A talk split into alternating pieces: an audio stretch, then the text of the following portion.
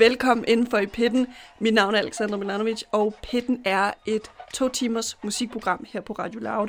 Og i den her uge, der handler Pitten om Ea Kaja. Og hende skal vi snakke om, og med, de næste to timer om øh, live maskinrummet, hun har sig, og fan-universet omkring hende. Og Ea Kaja, hun, øh, som så mange andre øh, danske artister, hun, øh, fik jo det her corona-benspænd på sig, så hun ikke kunne komme øh, ud og optræde live. Men allerede nu skriv i kalenderen 18. september, hvor hun skal optræde på Hotel Cecil. Og Erkaja, hun er faktisk en artist, jeg har set live. Øh, jeg så hende live sidste år på Countdown-scenen på Roskilde Festival, og jeg vil ærligt indrømme, jeg var måske en lille smule tømmermandsram, men ikke desto mindre, så husker jeg tydeligt hvor altså energisk og energifyldt hun var, øh, i særligt i relation med at få øh, publikum op at stå. Men øh, Ea Kaja, hun kommer ind i studiet nu, og så skal vi snakke meget mere med hende om hendes live maskinrum og fanunivers.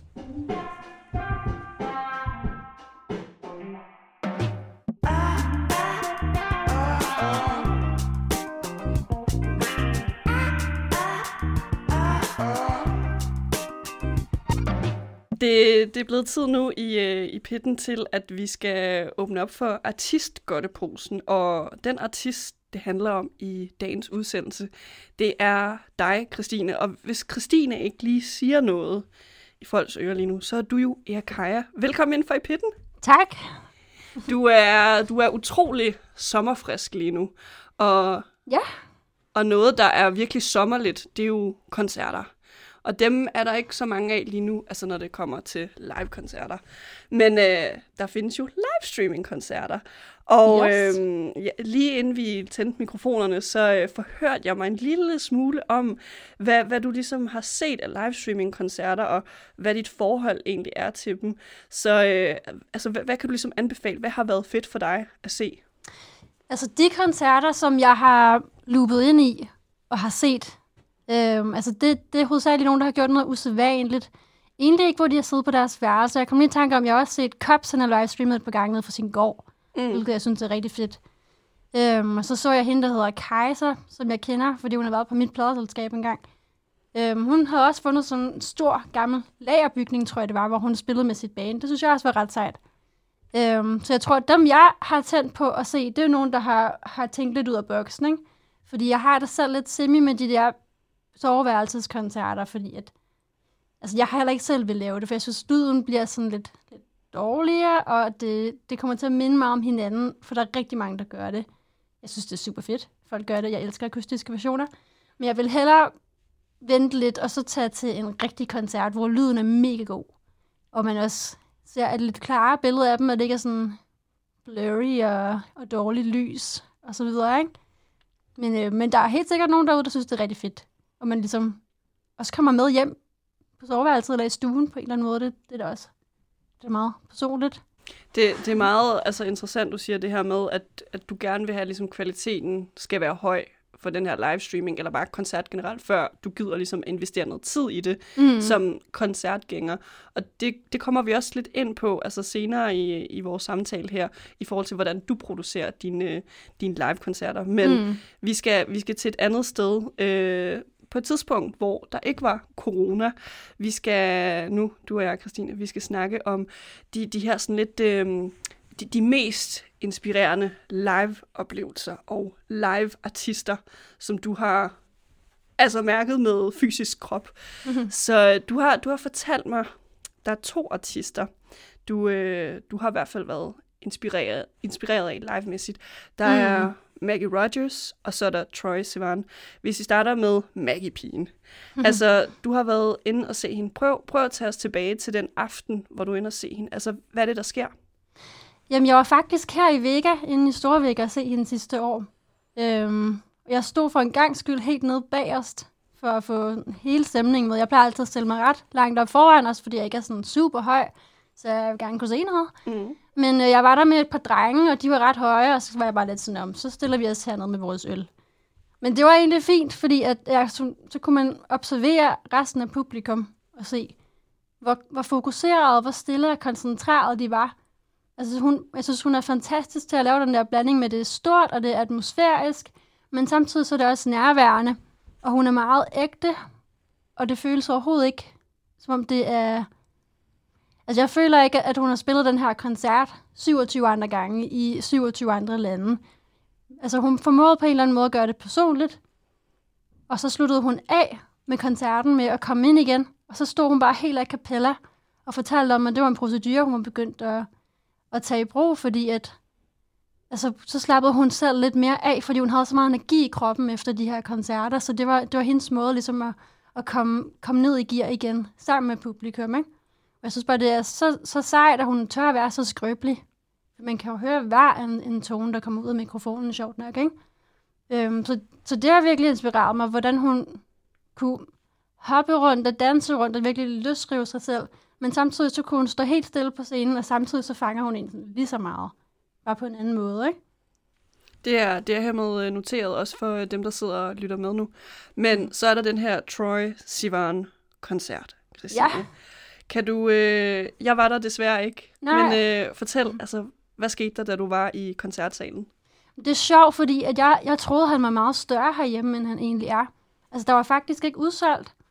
Øhm, men det var overhovedet ikke noget, han lå sig påvirke af. Altså tværtimod, jeg synes, han var enormt god til at snakke med publikum. Og jeg synes faktisk, han fjollede ret meget, men på en, en fed måde. Altså jeg følte virkelig, at jeg gik derfra og kendte ham lidt bedre. Og han, han stoppede op midt i, sin, med sit, i sit sæt, fordi han så, at der var nogen, der spillede ballon i publikum, og så ville han være med. Og så stod de lige og brugte et par minutter på at spille ballon. Altså, det lyder lidt stenet, men jeg synes faktisk, det var ret sjovt.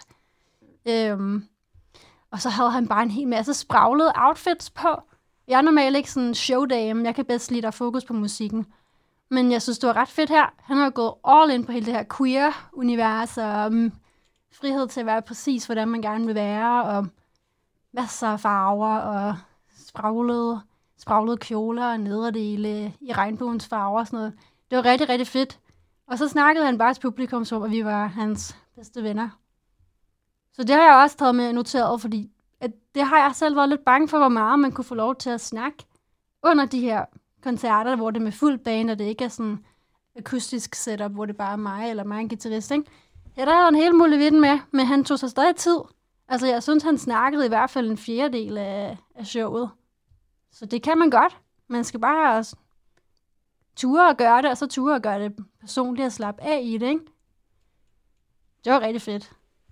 Nu, nu, nu øh, hæfter jeg mig lidt ved, at du, du lidt beskriver det som, at du, når du er til koncert, at du nærmest altså noterer dig sådan, åh, oh, det der er fedt, den artist gør det her, eller de har de her outfits på, de tør at være modige, eller hvad mm. du ligesom lige noterer ned. Altså, hvordan vil du beskrive dig selv ordentligt set, når du går til koncert? Er det, fordi du har en tyk blog med, og så skriver kommentarer til hele deres shows? Nej, det gør jeg faktisk ikke. Altså det her med at notere mig ting, det er noget, jeg begyndt på de sidste par år. Ellers når jeg tænker tilbage, det har vi også snakket om tidligere i telefonen, så, så har jeg været til koncerten, og så har jeg egentlig bare stået og nyt musikken, og så har jeg ikke tænkt over mere overhovedet. Så da jeg lige kom ind i musikbranchen, og folk begyndte at spørge ind til, til mit live show, så var jeg lidt sådan, hmm, ja, det ved jeg da faktisk ikke rigtigt, fordi jeg har, været, jeg har altid været meget musikfokuseret og sangskrivningsfokuseret, ikke? Øhm, så det her med at tage til koncert og notere sig, hvad folk gør, det er rigtig nyt. Øhm, men jeg synes, det er rigtig fascinerende at se, hvor forskelligt folk griber det an, ikke? Øhm, men øh, nej, jeg har ikke en blog med, men altså, jeg noterer mig det der i baghovedet, hvis der er noget, jeg synes, der er fedt. Og jeg synes, jeg tager noget med fra næsten hver koncert. Det kan også godt være, det er en, øh, en, en ting, man ikke skal gøre, at jeg tager med fra en koncert, ikke? Hvad, hvad kan du så nævne der? Altså, du har nævnt rigtig mange positive ting, som uh, Maggie Rogers og Troy Sivan gjorde på scenen. Hvad mm. oplevede du, de gjorde, hvor du var sådan, ah, lige den her effekt, eller den her metode, de lige brugte, det vil jeg ikke bruge?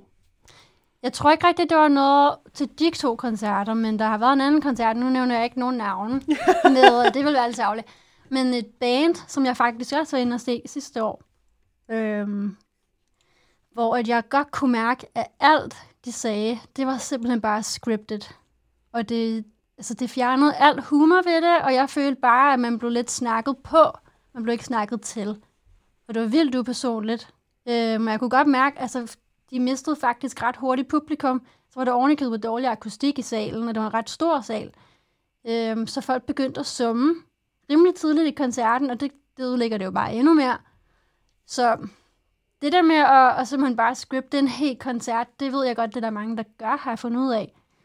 Men man skal godt nok være god til det, og få det til at lyde naturligt. Fordi ellers så, så synes jeg bare, at så ryger halvdelen af oplevelsen for mig, fordi det er meget vigtigt, at man får kontakt til artisten eller bandet, når man er der, ikke? Det synes jeg er halvdelen af at komme til en koncert. Det er der noget charme ved, men jeg synes bare, det er kedeligt, når det bliver monotont, og det bliver anonymt. Og man nærmest skal fornemme sådan, at ja, det sagde du også til de sidste fem koncerter i ja. de andre lande eller et eller andet. Ja, og de var også det bedste publikum, du nogensinde har oplevet, ikke? Og Troy Sivan, til, altså, jeg, jeg kender ham lidt, men jeg har faktisk aldrig sådan, øh, altså når jeg lytter til musik, så sådan, investerer jeg virkelig alt min tid, hvis jeg finder en ny artist, jeg virkelig godt kan lide. Troy Sivan har jeg sådan aldrig sådan hæftet mig ordentligt på, men hvad, hvad synes du, Christine? Altså, hvad, hvad skal man ligesom lytte til, hvis man virkelig vil blive forelsket i Troy Sivan? Altså, min favoritplade, det er stadig den, der hedder Blue Neighborhood, som kom fra for et par år siden efterhånden. Øhm, og det var lige her, hvor det her med at være queer, det var begyndt at blomstre op, og man virkelig ture og, og, og bruge det i sin måde at fortælle om artisterne på. Ikke, ikke nødvendigvis som at markedsføre det sådan, men, men det blev virkelig en del af deres historie, og det er det, Blue Neighborhood handler om, hele den plade. Altså, det, det er simpelthen sådan en flot plade, og han er sindssygt god til at fortælle historier. Øhm, og altså, dengang der lavede han noget meget... Der var det lidt mere electro, synes jeg, end det er nu. Men det var faktisk den plade, sammen med China, der inspirerede mig til at lave elektropop dengang. Det var faktisk det, der gik og lavede mine demoer til pladeselskaber. Øhm, så Blue Neighborhood, det vil jeg i hvert fald lytte til. Hans eneste album, det er jo også fantastisk, men, men Blue Neighborhood, den vil jeg høre. Og hvis vi skal vælge en sang at spille nu fra ja. det album, hvad, hvad, hvad skulle det være? Fools kan jeg rigtig godt lide. Det her det er lidt noget sådan noget tænkemusik og øhm, tænke og føle musik. Ikke? Så det vil jeg nok sætte på, når jeg, hvis jeg sad og kiggede ud af vinduet i toget, og det regnede. Eller et eller andet, ikke? Så hvor end man befinder sig, mens man øh, lytter til øh, Pitten lige nu med Eakaja, så, øh, så kan man ligesom få en eller anden øh, bestemt atmosfære, når man lytter til det her Troy Sivan-nummer. I am tired of this place. I hope people change. I need time to replace what I gave away. And my hopes, they are high. I must keep them small. Though I try to resist, I still want it all. I see swimming pools and living rooms and aeroplanes. I see a little house on the hill and children's names. I see quiet nights poured over ice and take rain. But everything is shattering and it's my mistake. Only fools fall for you. Only what I do. Only fools fall. Only fools fall for you. Only fools. Only fools do what I do. Only fools fall.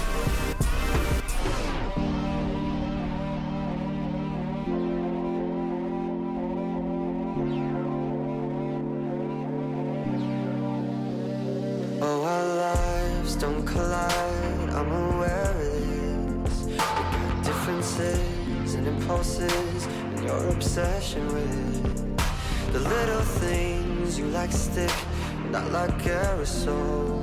I don't give a fuck. I'm not giving up.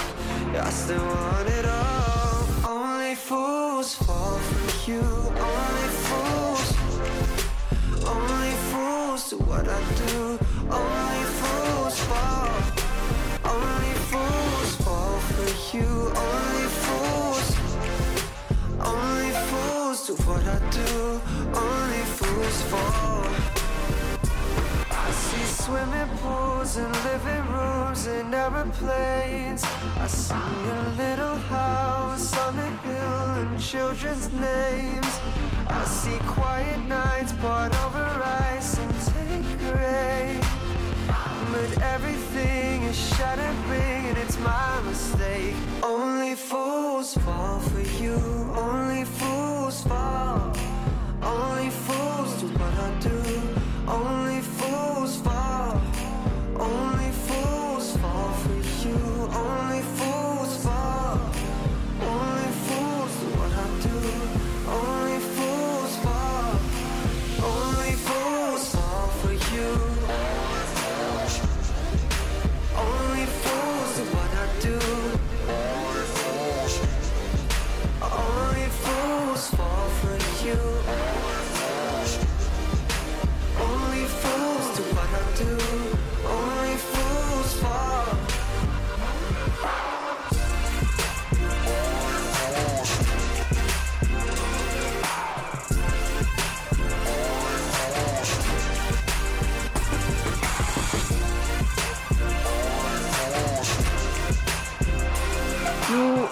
tid til øh, Christine, a.k.a. Eakaya, til at vi skal gå lidt mere i dybden af, altså, hvilke artister virkelig øh, altså får dine fanfingre til at øh, skælve og krible. Vi har været lidt inde på Maggie Rogers og Troy Sivan, der har virkelig mm. givet dig øh, nogle virkelig gode koncertoplevelser. Men hvis vi skal hæfte os mere ved dyrkelsen af en favoritartist. Jeg ved, der, der er en øh, vis øh, fru, frøken Taylor Swift. Ja. Hvad er der lige med hende? Hvad er det, hun kan? Hun kan skrive sange, som ingen andre, synes jeg. Og det, det er helt klart hende, der har lært mig at skrive sange. Øhm, så på et tidspunkt så var der en, der skrev til mig, at, at nu er jeg blevet den danske Taylor Swift. Så var min mission accomplished. Så, så du Ej. følte, det var en kompliment? Ja, det gør jeg. Altså normalt synes jeg, det, det kan være lidt irriterende at blive sammenlignet med folk, fordi man gerne vil være sin egen, jo ikke? Men øhm, det vil alle jo gerne. alle vil gerne være unikke. Men, øh, men Taylor Swift, synes jeg bare, en ting er, at hun skriver sindssygt godt, så er hun også bare helt vildt hårdt arbejdende. Altså hun har arbejdet på sin karriere fra, hun har været, I don't know, 12 år gammel eller et eller andet. Øh, hvor hun Lidt er... ligesom dig. Ja. Yeah. Men hvor hun har flyttet rundt med sine forældre, så man bare for at jagte musikkarrieren. Øhm, og fik en sangskriverkontrakt, hun var 14 år gammel, og havde sin første Billboard nummer 1, tror jeg det var, på country charten, da hun var 16, mener jeg. Altså hun har bare hun har haft en virkelig vild karriere, hun er virkelig en go-getter.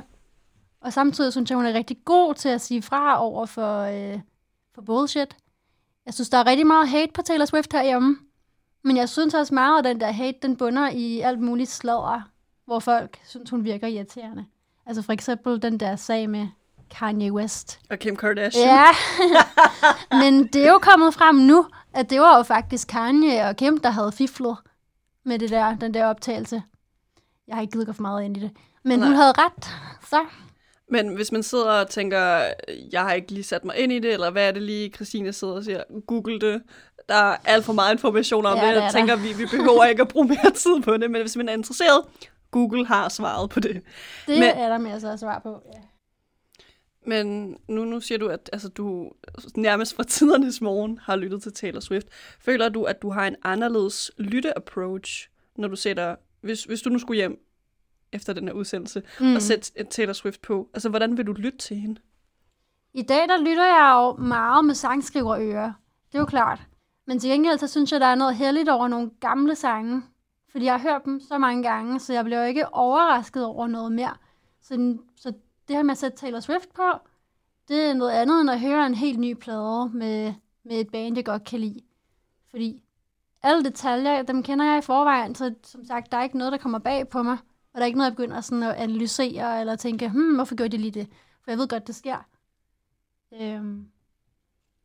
Men man lægger selvfølgelig mærke til, hvordan hun, hun opbygger sangene, og hvordan hun skaber stemning, og bare hele kompositionen af det det var stadig noget, vi, vi spiller, når vi sidder i studiet, så det er stadig Taylor Swift, vi sætter på.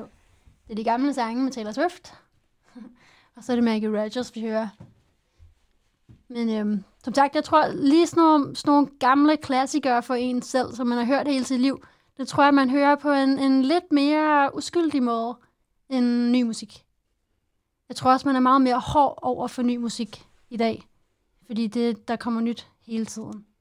Øhm, og man er meget, meget picky med det, hvor dengang så købte man en plade, satte man den på sit stereoanlæg eller sin diskmaning, og så så man altså lyttet til det hele, og det var igen og igen og igen. Og man var bare glad for at høre noget musik, ikke? Ja, jeg hæfter mig lidt ved, at du, du nu lidt trækker øh, gardinet altså til side for Eakaya maskinrummet. Du nævner, at I sætter Taylor Swift på i studiet. Hvilken, ja. hvilken stemning giver det, at I sætter Taylor Swift på, inden I skal til at arbejde? Jamen, drengene synes jo, det er lidt sjovt. de hører jo ikke Taylor Swift, vel? Men, øhm, men jeg får lidt sådan en nostalgi-følelse. Og jeg får lyst til at øhm, skrive country songs, når jeg hører det. men jeg kan rigtig godt lide den måde, country sang er skrevet på. Det er nemlig meget historiefortælling hele vejen, ikke? Og det er lige på grænsen til at være corny, men det fungerer. Og det kan jeg godt lide. Øhm, så det, det er god inspiration for mig at, at høre det, inden vi går i gang. Og så kan det være, at drengene ligesom lærer noget nyt Så øh, så kan de også blive Swifties, måske. Det kan være, at du bare skal stoppe med at være artist og være sådan number one worldwide Ja. uh, Taylor Swift ambassador eller et eller andet. ja, ja, det er rigtigt. Men når det så kommer til altså selve dyrkelsen af, af Taylor Swift som artist, du har nemlig øh, fortalt mig, inden vi, inden vi kom på her i studiet, at, at du var lidt alene med det. Mm. Kan, kan du prøve lige at fortælle lidt om det? Jamen, som vi snakkede om tidligere, jeg synes, det har været fy-fy at være Taylor Swift-fan i rigtig, rigtig mange år. Så kom der 1989, og det blev sådan lidt mere mainstream poppet, og radio herhjemme spillede det lidt mere. Øhm, og pludselig så var det lidt mere cool. Øhm, indtil der kom hele den der Kanye-sag, så var hun ikke sej mere. men øhm, men der har ikke, jeg har aldrig rigtig mødt, jo, måske to. Altså, jeg tror, vi virkelig kun har mødt to store Taylor Swift-fans herhjemme, udover mig selv. Så jeg har ikke rigtig haft nogen at dyrke det med. Øhm, og da jeg var i gymnasiet, der mærkeligt nok, jeg fik sgu ikke nogen venner, der spillede musik. De lavede alle mulige andre ting. Så øh, jeg spillede også bare selv musik og lyttede selv til musik på mit værelse. Øhm, og så blev de her plader til gengæld mere personlige for mig, ikke? Og ikke så meget sådan en fællesskabsholdepunkt. Øhm, men det blev en form for ven, sådan en plade her, ikke? Og Taylor Swift blev lidt min ting. Så jeg tror ikke, det har været det er ikke noget negativt. Jeg har ikke har haft noget øh, community at dyrke hende i, som sådan, hvad? Så var det også lidt ekstremt, føler jeg.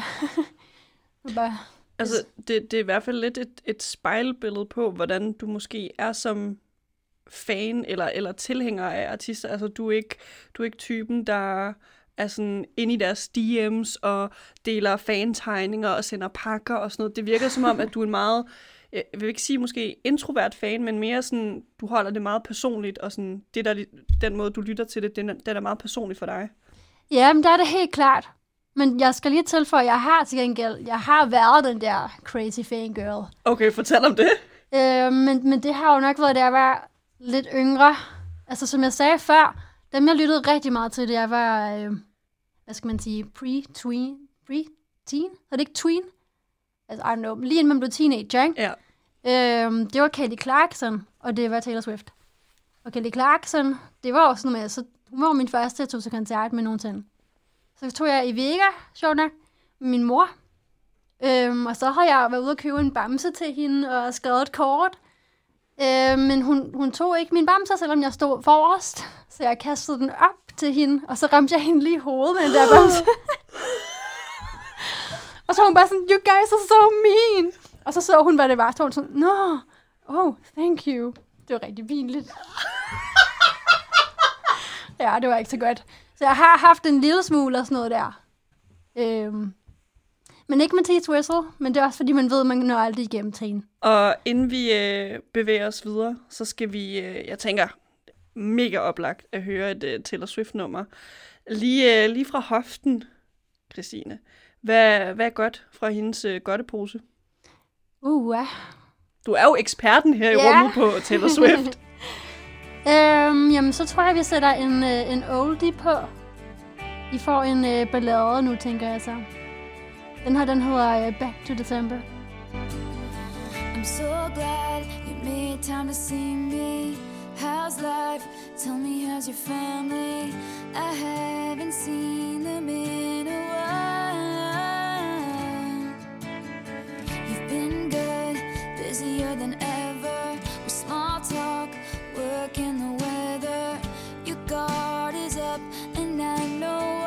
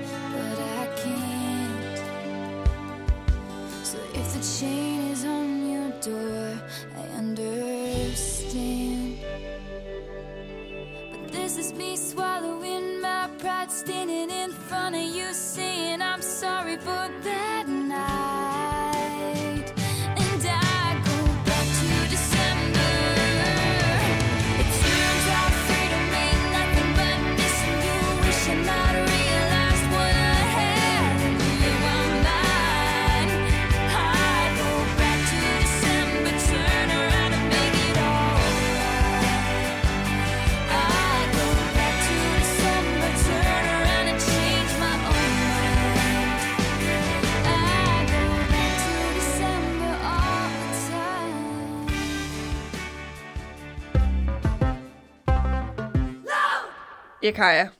Men jeg vil kalde dig Christina, fordi det føles lidt mere personligt. Æ, du er jo udsendelsens hovedperson i pitten i den her uge, og vi har snakket øh, en del om nu, om ja, de, de fede live-oplevelser, du har været til som koncertgænger, mm. og ikke mindst, hvem du har været og stadigvæk er virkelig meget øh, fan af, og der kan vi jo allerede røbe, altså Taylor Swift all the way. Du er jo Taylor Swift-eksperten her i rummet, så hvis jeg siger noget forkert om Taylor Swift, så øh, får jeg måske bank med sandalen eller et eller andet. You better on that. Men nu er det tid til at øh, dissekere dig som live-performer. Og nu har du jo udgivet øh, Skin and Bones, singlen. Mm-hmm. Og først og fremmest, øh, det er jo lidt spændende sådan at snakke om, nu hvor der er corona, man ikke rigtig kan komme ud og performe det nye musikalske materiale, man har lavet. Men Mm. når du sad og lavede den her single, hvordan visualiserede du ligesom, hvordan skal den her fremføres? Skin and Bones singlen. Jeg synes, Skin and Bones er ret god at hive fat i i forhold til live, fordi det er nogle sindssygt organiske og meget rå trommer, der er på, øh, på det nummer. Øhm, det lyder i det hele taget ret skrællet. Der er nogen, der har sagt, at det lyder lidt rocket. Øhm, og det, man burde kunne høre på de her helt nye numre, det er nemlig, at jeg har været rigtig inspireret af, hvordan vi har været ude og spille numrene live. Ikke nødvendigvis det her nummer, men alle de gamle elektronumre, de har bare fået en, en øh, hvad skal man sige, ja, en makeover af en eller anden art, hvor vi har prøvet at få, få, øh, få det hele til at, at blive større og mere organisk og, og mere levende. Og det vil jeg rigtig gerne have med på alle de nye numre. Øhm, så det er virkelig noget, vi går efter på Skin and Bones, at få, egentlig at få en live-lyd ind på de her popnumre, ikke? Så det, det er sådan et nummer, som jeg tænker, det bliver lige til at spille det live. Der har det været lidt mere tricky med nogle af de der rigtige elektro-numre, ikke? hvordan man har skulle gøre det. Øhm. Men øh, ja, jeg synes Skin and Bones, det, det er en af dem, hvor jeg, hvor jeg glæder mig til at komme ud og spille dem live. Og du har jo øh, optrådt altså en del med, med en del koncerter sidste år. Altså du spillede mm. øh, blandt andet Roskilde Festival, som jo altså på countdown-scenen, det er jo ret stort. Ja, Prøv, prøv altså jeg var til den koncert. Jeg, jeg skal være ærlig og sige, jeg havde lidt tømmermænd. Men, men jeg sad med mine venner, og blandt andet øh, Julie Hinkær. okay. Øh, Nå, fra øh, Maglegård. Ja, ja, ja, ja. Som var sådan, vi, vi skal se jer, Kaj, det bliver så fedt.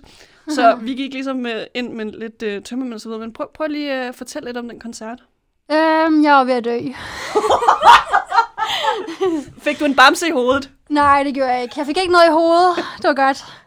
Men fuck, man, jeg, jeg kan ikke huske, hvornår jeg nogensinde i mit liv har været så nervøs. Ikke engang til min studentereksamen. Altså, jeg, jeg, hele mit, mit lave register i min stemme, det forsvandt bare. Jeg følte seriøst bare ikke rundt og lå sådan her hele tiden. jeg var så nervøs. Ingen idé om det. Men, øh, men det var også rigtig fedt. Men fuck, man, jeg følte mig virkelig bare sådan... Who are all these people?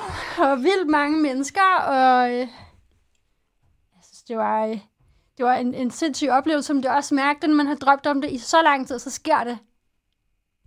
Jeg synes, det, det, det, der er, øh, det der er svært med nogle af de der vilde koncerter, ikke? for man skal nyde det. Men det er så fucking vigtigt for en, så det er svært bare sådan at give sig hen til det, for det skal bare sidde der, ikke? Øhm, det var en vild oplevelse. Jeg får stadig ondt i min mave, når jeg tænker på det. fordi jeg var så nervøs. Hvad med, altså når du spiller øh, ikke øh, Roskilde Festival koncerter, altså bliver du lige så, sådan- lige så nervøs, eller hvad sker der ligesom op i dit hoved og ned i din mave? Øhm, jeg bliver ikke nær så nervøs, nej, men jeg bliver altid nervøs. Øhm, men det kommer også an på, hvad, hvad jeg har for en dag. Altså, hvis jeg har en dag, hvor, at, hvor jeg ikke har alt muligt andet i baghovedet og går og stress over, øhm, og jeg har det godt, der har sovet igennem, og jeg ved, at bandet har styr på det, så er der jo klart meget mere ro i kroppen, ikke? Øhm, hvis det er noget med, at man ikke kan finde noget gear last minute, eller øh, lydprøven var dårlig, eller... Øh, altså, det forstyrrer jo altid. Alting kan jo forstyrre, fordi det, det er jo det der med stemmen. Altså, det er jo, det er jo virkelig... Øh, den er jo så påvirkelig af alt omkring den, ikke? Øhm, jeg bliver altid nervøs. Altid nervøs. Men det er jo fordi, det betyder noget, ikke?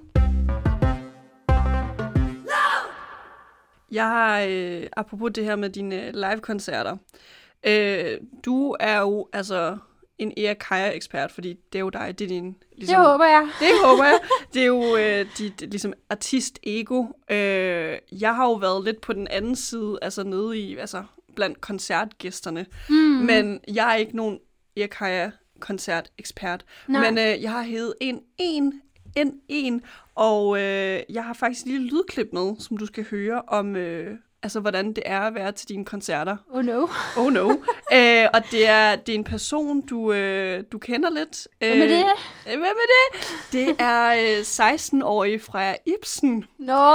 Og øh, vi, vi skal nok komme ind på hende øh, senere, men øh, nu skruer jeg lige op her, og så kan du høre, hvad hun har at sige om dine live-koncerter. Jeg har set Erika live sådan en 6-7 gange, og jeg har været så heldig at møde hende og snakke med hende, og det har været meget fedt, synes jeg, og hun er meget nede på jorden og skaber en meget øh, hyggelig stemning, synes jeg, omkring sig sådan, til hendes koncerter, og hun gør det meget fedt og det er helt med hendes band. Og hvis det er fedt, når hun gør det lidt mere til den her sådan, intim koncert, eller sådan, hopper ned fra scenen og danser med det publikum, der nu er der, øh, hvis nu det ikke er største crowd, det gør det meget mere personligt.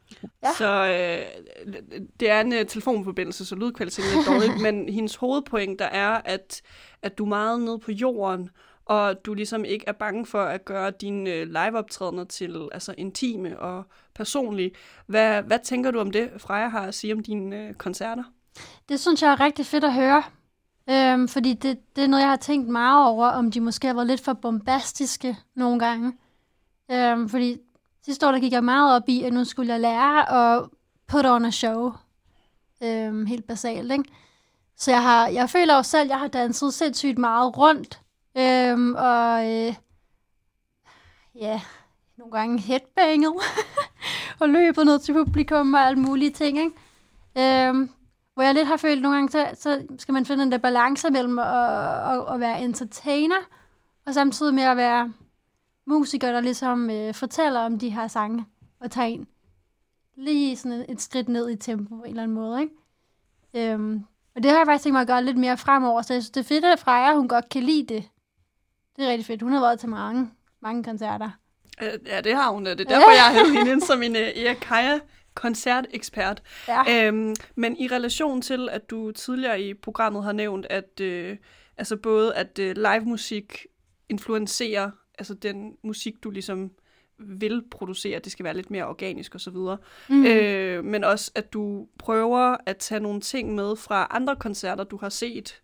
Øh, for eksempel Troy Sivan med, at han tør være modig med outfits, eller mm. han taler lidt mere til sine fans, og så Maggie Rogers, der er lidt mere ligesom organisk i sin lyd. Ja. Altså, øh, hvad kan du ligesom sige om, øh, hvordan det sådan endegyldigt prøver ligesom at forme din altså fremtidige koncerter? Jamen, de fremtidige koncerter vil jeg gerne have, nemlig bliver... Det skal selvfølgelig være tight, men, øh, men det er vigtigt, at det, at det er meget levende i det. Og det er vigtigt for mig, at jeg får mulighed for at snakke om sangene og have kontakt til publikum. Øh, jeg kommer klar til at lægge mere vægt på det, fordi det, jeg startet med at gøre, det er at lave rigtig mange akustiske koncerter. Enten mig alene, eller mig og en guitarist. Og det kan jeg bare mærke, det føler jeg mig altid lidt mere hjemme i, fordi jeg får lov til at fortælle, hvad det er, jeg skriver om. Jeg føler godt, det kan blive lidt overfladisk nogle gange. Det er, hvis man bare kører på, og så er det der klik i øret hele tiden, og Nå, men nu kan du lige snakke i 16 sekunder, og så skal du altså i gang med, øh, med introen eller et eller andet, ikke?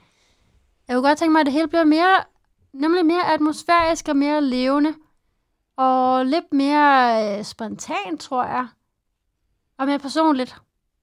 Og så tror jeg, jeg har tænkt mig at tage den mere på kefylen, fordi jeg har virkelig suget til mig her det sidste år eller halvandet år, for at finde ud af, hvordan spiller man egentlig live med band, for det har jeg været helt grøn med. Men øh, jeg har været rigtig meget input, men nu, nu begynder jeg at sortere ud i det, kan jeg mærke. Og finde ud af, hvad jeg selv synes, der fungerer. Og selv er sådan komfortabel med, og synes passer til mig som person, og ikke hvad folk forventer, at jeg gør på en scene, eller forventer af mig. Øh, for der er jo altid en masse mennesker omkring, der synes alt muligt, ikke? Så nu har jeg tænkt mig at gøre lidt mere, hvad jeg, hvad, hvad jeg selv føler mig komfortabel i. Og når du, når du ser tilbage på alle de altså, fantastiske koncerter, du har afholdt op til i dag, hvad for et øh, ene nummer er ligesom din, din favorit at spille live? Hmm, altså forrige, den er jo altid god. Hittet er jo altid sjovt at spille, ikke? Altså for din skyld, eller dem, der ligesom står på øh, publikumsrækkerne? Øh, begge dele, synes jeg. Øhm, fordi mange af mine numre er meget upbeat, og der sker meget, og der var rigtig meget gang i den, så lige der, der tager man den ned i stemning, og, og har lidt mere øjenkontakt med publikum, og jeg sætter mig ofte ned, og er meget sådan, føler øjeblikket lige i det nummer, ikke? Så det synes jeg er ret fedt at spille. Øhm, ellers så der, der er ret mange af de uudgivende numre, som jeg godt kan lide at spille live. Hvor at, øh, det nemlig bliver lidt mere lejende. Øhm, så det glæder jeg mig til at gøre til alle de fremtidige koncerter.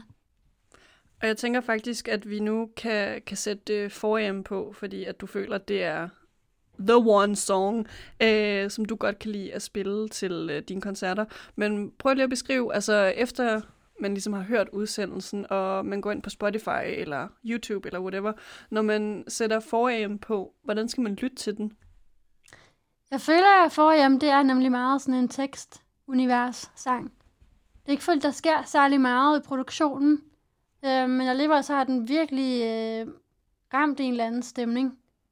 Altså det nummer, det, det har virkelig bare bredt sig som en steppebrand. Det var ret vildt at udgive det. Øhm, men det tror jeg simpelthen bare, fordi det får folk til at føle noget. Og øhm, så forhjem, det mener jeg, det er, det er mest af alt en, en lyttesang. Hvor man sidder og hører efter, hvad der er, der bliver fortalt, ikke?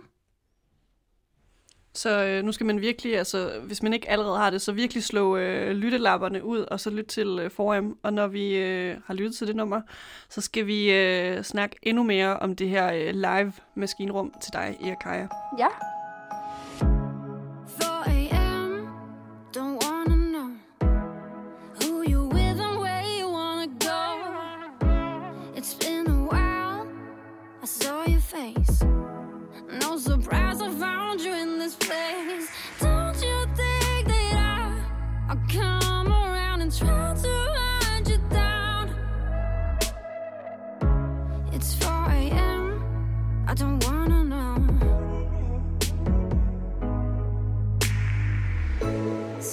You wanna say now, say now. But when I got you on my own, I'll shut your mouth, shut your mouth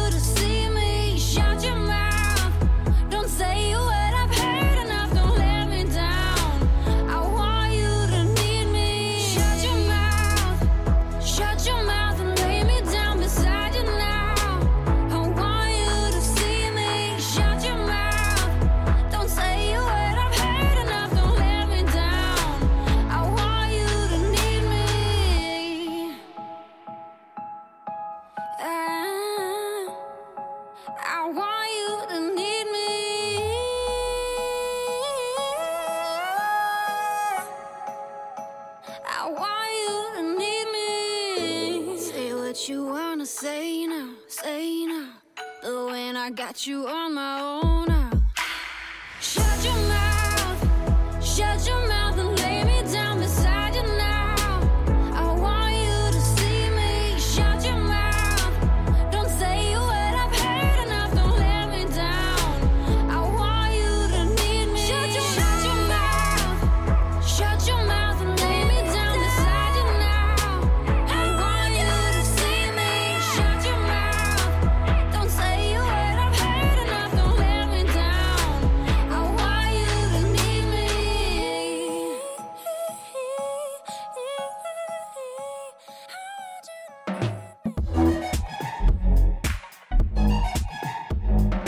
Erkaja, a.k.a. Christine, eller omvendt Christine, a.k.a. Erkaja. Ja. Du er stadigvæk i studiet med mig her på tredje sal af Vega-bygningen, og altså, det er skønt, at du er i studiet. Det er meget bedre, end hvis vi skulle lave det her over Zoom. Ja. øh, jeg føler lidt, altså, man får ligesom hele den der intimitetsfølelse, så jeg er virkelig glad for, at du er, du er med mig her i Om studiet. jeg hader at Skype og Zoom, jeg er så akavet.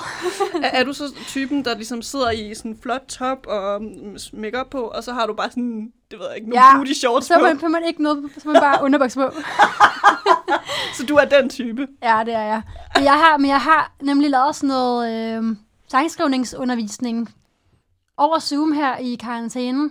Men jeg har sådan en el gammel MacBook Pro, så, hvor alle de andre unge menneskers kameraer bare var tip-top og her skarpe og lyse og sådan noget. Altså, jeg var bare sådan helt mudret og helt mørk i ansigtet. Filmet med en kartoffel, altså. Ja. Så jeg har været sådan lidt skræmt for at skulle på uh, Skype og Zoom og sådan noget siden da. Noget, der ikke foregår over på Skype eller Zoom, heldigvis, det er dine øh, koncerter. Og jeg tænkte, at nu, altså øh, de færreste mennesker, øh, særligt dem, der lytter med, de har jo ikke øh, altså været, hvad skal man sige, maskinrummet til, mm. når, du, når du laver en koncert. Så prøv lige at tage os igennem, altså hvad, hvad er det, der, alt det, der sker før en Eakaja-koncert? Kan du lige prøve at sætte nogle ord på det? Ja, tænker du, når vi er i øvelokalet, eller tænker du sådan på en festival for eksempel, inden vi går på scenen? Ja, altså inden I går på scenen, altså hvad, hvad leder ligesom op til, at I gør det? Jamen altså, drengene plejer altid at drikke øl. Men ikke for mange, for de skal kunne koncentrere sig. Øhm, og så, jeg plejede at have min, øh, min korpige med inde i backstage. Og så stod vi der og opvarmede. Det bliver jo sådan lidt ensformigt at opvarme på samme måde hele tiden. Så noget vi gjorde, det var at tage nogle sådan gamle nuller hits. Vi kunne rigtig godt lide at tage Jojo for eksempel. Og så sad vi Okay. så sidder vi og harmoniserer på Jojos gamle sange. Og hun laver de der sindssyge øh, vocal adlib riffs og sådan noget, ikke? Så galt der, så var der en konkurrence, hvem der kunne ramme dem. Det er rigtig, rigtig kikset. Men, øh, men det fik os varme, fordi øh, hun har der om noget et, et stort vocal range, ikke? Så det gør vi. Så tog... Så spiste vi alle snacksene. Og så, øh, så, gik vi bare lidt rundt og, og legede lidt. Hvis man sidder stille på, inde i det der backstage, så sidder man meget op i sit eget hoved. Og så synes jeg, man bliver mere nervøs, end hvis man kommer ud og laver et eller andet. Og ligesom fordriver tiden lidt, ikke? Øhm, og jeg bliver bare... Jeg er sådan rigtig overtænker, og jeg bliver rigtig nervøs oveni, ikke? Så det er vigtigt, at jeg bliver distraheret lidt, inden jeg skal på scenen. Faktisk for at være afslappet. Så vi- Blandt andet med snacks. Snacks, ja. Og apropos snacks, altså øh, har du sådan en bestemt rider, altså der skal være øh, vegansk øh, kristen vand køl og glutenfri chips, eller hvad, hvad har du på rideren? Jeg har faktisk ikke noget på min rider, fordi jeg vidste ikke, at man øh, indtil for nylig vidste jeg ikke at kunne kræve noget. Okay. Men øh, fra nu af, så tænker jeg, så skal der stå salte fisk. Det er vigtigt. Og øh, så tænker jeg måske, der skal stå noget marabu med hasselnødder. Eller ej, måske faktisk ikke med nødder, fordi hvis det sætter sig fast i halsen, det er noget lort. Men øh, marabu kan jeg rigtig godt lide.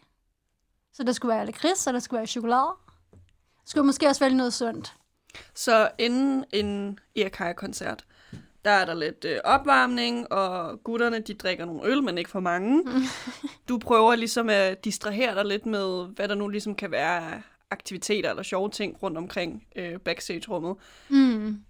Erkaja-koncerten finder sted, Ja. slutter. Hvad sker der lige efter?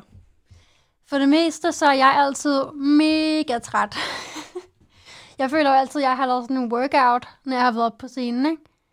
Øh, fordi jeg har bevæget mig så meget rundt, øh, og har været på i så lang tid. Også fordi tit, når vi har været ude og spille festivaler, så har man jo kørt i bil i mega lang tid oveni, og jeg bliver rigtig køresyg. så på mange måder, så er jeg sådan lidt dårlig til turlife, life. jeg bliver ret træt. Øhm, så for det meste, så har jeg lyst til at sove, og så er de andre, de har lyst til at drikke igennem. Så det bliver tit sådan noget med, at så hopper jeg lidt på. Så kører vi noget, noget wine, eller der plejer at være noget i backstage, så tager man lige og, og røver den der, det der køleskab, ikke? Og så sidder man og får nogle øl. Hvis vi har tid, så bliver vi på festivalen og ser nogle andre bands. Men øhm, ellers så tager man det med på turbussen, så sidder man der. Og så, øh, så prøver jeg at glemme, at jeg har køresyg, mens jeg drikker øl. Så du føler ikke, at øh, øllerne er med til at gøre hele køresygen værre, eller bliver du bare så stiv, og bare, ja, ja, vi kører bare derudad? af? Ja, det, de er 100 p med til at gøre det værre. Men det er bare så kedeligt ikke at kunne være med, så jeg gør det lidt nogle gange alligevel. Og så må jeg jo kigge ud af vinduet. Selvom det er mørkt. ja, Jamen det, altså det, det er noget, der virkelig hjælper jo. Jeg har altid været køresyg, ikke? Så hvis man holder øh, blikket mod køreretningen, lige om det er bare sådan bilen foran, eller, ikke? så hjernen ligesom ved, hvad der sker. Det er det, det handler om. Den ikke kan lide at blive overrasket over, men hov, så drejer man lige der, og så bliver kroppen lige hævet lidt til den ene side og sådan noget, ikke? Øhm, så mens de andre så spiller kort, så sidder jeg bare og kigger sådan stift ud i luften. Og sådan, Christine, din tur nu. Så må jeg lige til at finde kort, og så kigger jeg videre. Og øh, vi, vi sprang lidt øh, let over altså, øh, Irakaya-koncerter. Men hvis vi nu dvæler lidt i det, har du nogle, hvad skal man sige, go-to øh, værktøjer, du altid benytter dig af? Altså, du har været lidt inde på, du skal for eksempel altid øh, varme stemmen op, inden du går på, men har du noget til, altså sceneshowet, sådan, det skal altid være med? Øhm, altså tænker du rekvisitter? Could be, altså bare det, der ligesom laver et fedt Irakaya-show. Altså, jeg plejer jo altid at koordinere dem, som jeg spiller med tøj. Det synes jeg er rigtig vigtigt, at vi ligner en helhed. Der, der er skabt rigtig meget diskussion i, i backstage-lokalet nogle gange med drengene, der ikke gider at have det der tøj på. Men øh, vi skal matche, og så synes jeg, det er meget vigtigt, at man øh, pep-talker sit band. Fordi ligesom det kan være for nogle artister, så, så det er farligt det der med at falde tilbage på rutinen. Fordi at øh, lige så meget som der bliver kigget på mig, så bliver der også kigget på bandet. Og det er jo vigtigt, at vi alle sammen er med til at skabe den her stemning, og at vi alle sammen ligner nogen, der har det fedt. Det har vi jo også. Men øh, det skal bare afspejle det, ikke? Øhm, så det er noget med at pep lidt med dem. Så står vi altid og, og hopper lidt op og ned. Vi har ikke rigtig noget kampråb. det sygt Endnu. Det kan være, at lytterne kan byde ind lige DM øh, Irakaya Ja. ja. med sådan forslag til god kampråb. Altså, det, vi plejer altså bare at sige noget åndssvagt. Og det er noget nyt hver gang. Okay. Så vi har ikke det der, men tænker, så er det jo sådan, så, så synes folk, det er lidt sjovt, fordi det er så dårligt. Så, så du føler, at det er ligesom øh, e-, en vigtig komponent for, at et Eakaya-show kan være fedt, det er, at, at der er god stemning lige inden, og I har det sjovt. Det er så vigtigt, det er altafgørende. Altså, der er ikke noget værre, end at gå på scenen, og der er dårlig stemning. Det, det er så tydeligt, synes jeg også selv til koncerter, hvis, hvis folk ikke synes, det er fedt at være på scenen. Altså, det skinner jo bare ud af deres kropssprog, ikke? Og man kan høre det på den måde, de, øh, både den måde, de synger på, synes jeg, som er sådan lidt mindre engageret og lidt mindre energisk, men også måden, de taler på. Og det smitter også så meget af.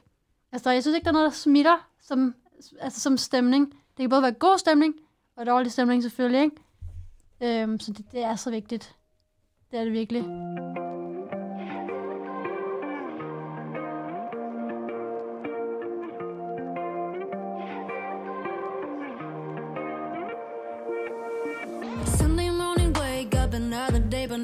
New.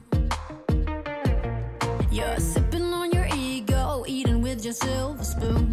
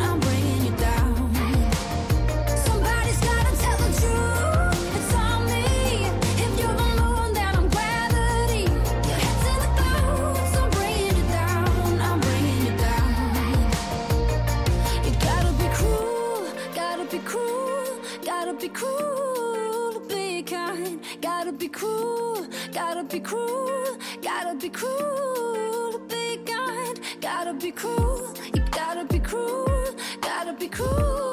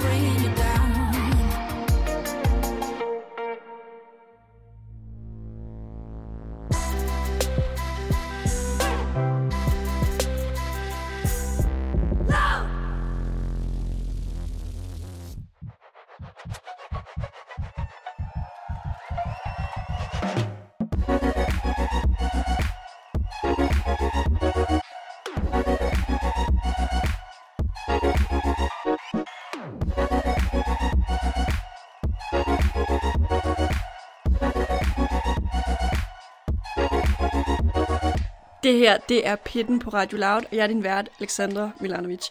Pitten i den her uge omhandler danske Iakaya, a.k.a. Christine, som øh, er i studiet her med mig øh, på tredje sal af Vega. Og i den første time af Pitten, i den her omgang, der har vi øh, dykket ned i, hvem Christine fangirler sygt meget over. Og spoiler, det er Taylor Swift.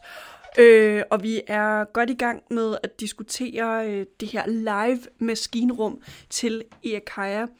Øh, men nu skal det ikke være så, så teknisk igen. Øh, jeg tænker, at vi skal, vi skal ud i øh, en lille leg nu, hvor øh, Iakaya skal få lov til at lave sin drømmesætliste.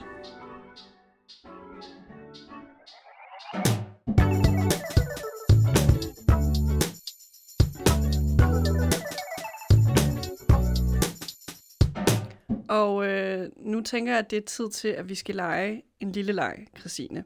Ja. Øh, lige ved siden af dig på bordet, der har jeg lagt et blankt stykke papir og en øh, tus. Jeg tror, den er sort. Og øh, det, vi skal til nu, det er, at øh, du skal kreere altså din ideelle setliste med seks sange ud fra en, altså en kontekst eller en location, du har valgt. Det kan være, at du åbner orange scene om 10 år, eller at du laver en livestreaming-koncert tid. månen. Det er lang tid! altså, Ja. du, du vælger ligesom kontekst og de her sange, så inden du får lov til at doodle lidt på det her hvide papir foran dig, har du valgt en kontekst? Ja, det har jeg. Jeg har så tænkt meget over det, fordi der er jo sikkert rigtig mange, der vil sige Madison Square Garden og øh, Orange Scene og sådan noget, ikke? Og jeg vil rigtig gerne spille Orange Scene. Men hvis jeg helt selv kunne vælge, og det skulle være sådan rimelig snart, så kunne jeg godt tænke mig at spille en, øh, en intim koncert på en tagterrasse i Paris ved solnedgang. Og når du siger intim koncert, altså nu, ja. Hvis vi ser bort fra altså, de her afstandsregler med corona og så videre, hvor, hvor mange vil du gerne have er med på den her tagterrasse sammen med dig? Ikke særlig mange. Så skulle det, altså det skulle, ideelt set, så skulle det, se, så skulle det være sådan en øhm, preview-koncert af et kommende album øhm, med måske 30 udvalgte fans. Og så spillede jeg øhm, simpelthen bare nedbarberede versioner af alle numrene.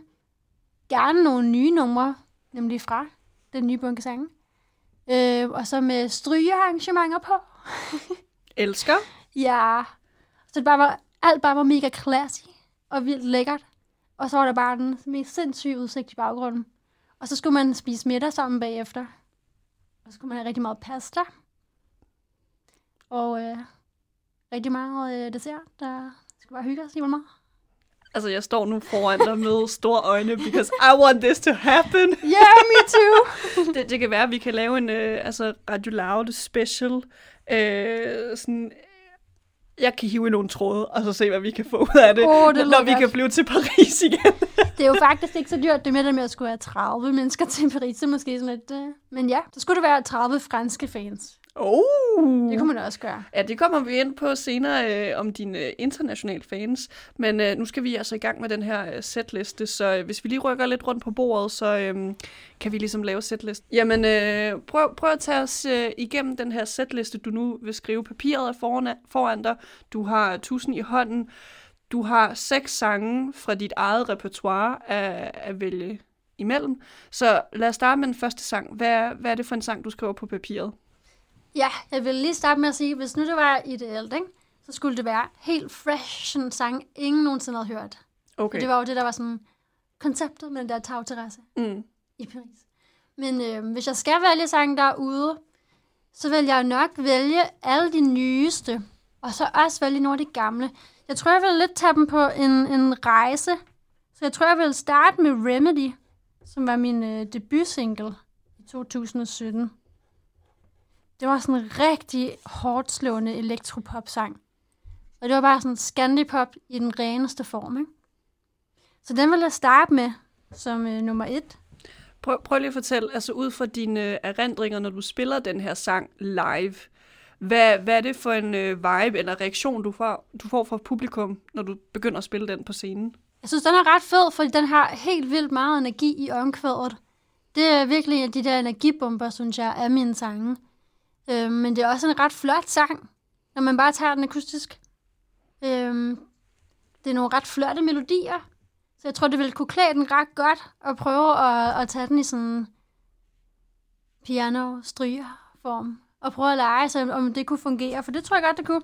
Vi plejer at spille, når vi også bare spiller guitarversion. Øhm. Men den er nemlig sjov. Det er en af dem, vi har haft sådan lidt udfordringer med i øvelokalet. Nemlig fordi den er så elektronisk. Og hvad skal man gøre, hvis jeg gerne vil have, det hele skal have en øh, lidt folk-rocket feel til det poppet pludselig, ikke? Og så står man der med sådan en rigtig electro-banger, ikke? det er det jo. Hvad, hvad med øh, sang nummer to på den her øh, ideelle setliste? Er det også sådan en øh, folk electro banger, du vil sætte på, eller hvad, hvad Nej, tænker du? så tænkte jeg faktisk, så vil jeg gå ned, og så vil jeg snuppe for AM derefter. Fordi det- den sang, det kunne så være skridtet lidt længere hen i historien, hvor at der kommer EP, som ligesom samler op på alle de sange, der har været indtil videre. Øhm, men samtidig så bliver forhjem sådan lidt mere barberet, end de forrige par sange. Altså lidt mere øh, intim, og jeg synes, den viser en anden side af, de, af den musik, jeg er kommet med før, som har nemlig været meget storslået, og det er hele tiden mig, der har det sidste ord, og en stærk kvinde, og ditten og datten, og pludselig så, så tør man være lidt mere sårbar. Øhm, så jeg synes ikke klart, at den, udover at den er gået godt, så markerer den noget helt andet sangskrivningsmæssigt. Og det er jo, det er jo en perfekt sang at spille i sådan et strygerformat, ikke? det er sådan en rigtig øh, tårepærser. Så den vil jeg tage som nummer to, tror jeg. Ja. Hvad, hvad ligger der bag lov nummer tre? Hmm, så tænker jeg at tage en Cruel to be Kind. Og Cruel to be Kind, det er så skridtet, hvor man kommer lidt længere hen mod den her live-lyd, som jeg godt kan lide, når vi har været ude at spille. Øhm, der har vi nemlig de, det første bud på de her live-lydende trommer. Og vi får en masse guitar ind, som, som er de bærende riffs i sangene, hvor det før har været meget synth, det hele, ikke? Øhm, så det føler jeg lidt, det er sådan en brobygning til det nye kapitel. Nemlig sammen med den, der hedder Back of Your Head, som så kommer som nummer 4. Og Back of Your Head, den er ret sjov, fordi det var en af de sange, som jeg sendte afsted til pladselskaber i 2016. Øhm. det er ret fedt, at en sang stadig har et liv på en eller anden måde, så mange år senere, og så mange sange senere. Jeg har skrevet virkelig mange sange siden det, ikke? Men at den stadig kan, kan vælges ud i en pulje af så mange sange. At den stadig har relevans. Og nu er vi jo fire numre inde i den her øh, Eakaya, Ja. The Ideal setliste. altså nu bevæger vi os ligesom mod slutningen af setlisten. Har du gjort dig nogle overvejelser i forhold til, hvor du vil holde øh, talepauser? Måske komme med nogle øh, gode anekdoter til sangen? Altså hvad, hvad har du gjort dig af tanker der? Jamen, det her er, det, jeg tror, jeg vil snakke mellem alle sangene, hvis det er mig, der vælger. Det er dig, der vælger. Så det vil jeg gøre. Altså, der er, jo, der er jo fortællinger til alle sangene. Alle sange handler om et eller andet, der er personligt for mig, eller personligt for mine venner. Så derfor så vil jeg da helt klart udnytte, at der sidder nogen, der gerne vil høre dem. Øhm, det, det er et af mine yndlingssteder i en koncert, det er, når jeg får lov til at fortælle, hvad sangene handler om. Så det vil jeg gøre mellem alle numrene. Skulle nok lade med at være sådan 10 minutter per historie, ikke? men øh, Jeg tror faktisk godt, fansene altså, vil sidde og lytte til det, fordi hvis det er sådan en, altså hvis atmosfæren er så intim, som du beskriver, du gerne vil have, den skal være, så tror jeg ikke, nogen siger, uh, ved du hvad, jeg går nu. Nej, det tror jeg nemlig heller ikke. Det er jo også det, der er ved festivalkoncept, for eksempel. Ikke? Der handler det jo nemlig meget om at få folk til at blive, og de er sikkert lidt beruset, og det hele skal gå sådan lidt hurtigt, der må gerne være lidt gang i den, fordi de er sådan lidt i parter i humør, ikke? De gider sgu ikke høre på alle mulige fucking gamle historier fra ja, 1700-tallet. Så, øh, men så den her gang, der vil jeg være sådan, nu skal jeg have lov til at fortælle. Jeg tror nemlig også, altså som fan, jeg synes, det er mega fedt, når folk fortæller, hvad sangene handler om. Fordi man lytter til dem på en helt anden måde. Og for lige at give en uh, recap, fordi uh, du sidder måske og tænker, jeg kan ikke se den her setliste. Den første Mhm. sang på Eakajas uh, ideelle setliste, det er Remedy. Nummer to, det er 4am. Nummer tre, hvis jeg lige kan læse det herfra, det er Cruel to be Kind. Nummer fire er Back of Your Head. Hvad, hvad finder vi bag love nummer 5, Christine? Nu bliver det jo sådan lidt forudsigeligt, men så kommer Kitchen Table. Og Kitchen Table, det er nemlig det nye kapitel her. Det har været åbneren til det. Og jeg synes, jeg synes selv, det kan jeg i hvert fald heller mærke til det, hvis man kigger på den rækkefølge her. Remedy til 4am, til Cruel to be Kind, til Back of Head, til Kitchen Table. Jeg synes, der er en, en helt vild klar rød snor, hvor det hele bliver meget mere levende og meget mere organisk hele vejen. Øhm, og det hele bliver mere sangskriver fokuseret. Og jeg mener jo selv, at man kan høre mine, mine sangskrivningsrødder mere nu, end man har kunnet høre dem før. Det har været meget vigtigt for mig, at man, at man kunne høre, at jeg faktisk er vokset lidt op med, med sådan folket, country-ish måde at skrive popsange på, ikke? Også produktionsmæssigt. Så jeg vil hoppe til Kitchen Table, og så vil jeg snuppe Skin Bones til sidst. Som jo er din uh, seneste single. Ja. Og øh, hvorfor, hvorfor lige den seneste single som øh, nummer 6? Jamen, udover at det bare giver god mening, så øh, synes jeg bare, at Skin Bones, den, den har en ekstra god og meget tidsrelevant fortælling. Så den vil være rigtig god at slutte af med. Det er sådan en, en øh, fortælling, som jeg føler rigtig mange kan, kan relatere til, og som kan forstå. Ikke? Og så synes jeg bare, det er et, et nummer, som, som virkelig er oplagt at slutte af med i et sæt, i og med, at det, det bliver ret stort det er virkelig et nummer, der vokser, og udover at have et C-stykke, så har det også en ekstra outro, og det er bare en, en rigtig stor sang, samtidig med, at den, den behandler et ret vigtigt og tidstypisk emne, ikke? Og øh, tidligere i programmet, der talte vi om øh, Troy Sivan, og hvordan du øh, har været vild med til hans koncert, at han havde flere altså, costume changes osv. Ser Mhm. du det øh, altså til den her ideelle sætliste til Drømme Eakaya øh, koncert. Vil du altså have seks par rykker på, og så efter hver sang tage par rykkerne af? Nej, det vil jeg ikke. Altså, jeg synes som sagt, det er rigtig, rigtig sejt, når folk tør at tage noget risky på. Øhm, og virkelig bare, skal man sige, øhm, udtrykke sig selv, præcis som de er. Så det vil jeg også bare gøre. Jeg, altså, jeg har det med at, at sy om i mit gamle tøj, og, og lege lidt med design. Så jeg tror egentlig bare, jeg vil tage noget på, som jeg selv havde syet om i. Øhm, og som jeg føler er mig. Altså, jeg, jeg tror aldrig, jeg bliver typen, der klæder mig ud som sådan. Det kan godt være, at jeg har haft en knaldorange dragt på, fordi jeg spillede på Roskilde Festival og sådan noget, ikke? Men, øh, men hele det der kæmpe show, det, øhm, det appellerer ikke super meget til mig. Så jeg tror hellere, jeg vil, øh, jeg vil hellere bare have noget på, som var mig. Og så vil jeg opfordre folk til at komme i tøj, som også bare gør dem komfortable. Ikke? Så jeg var meget øh, i øjenhøjde, tror jeg, det hele.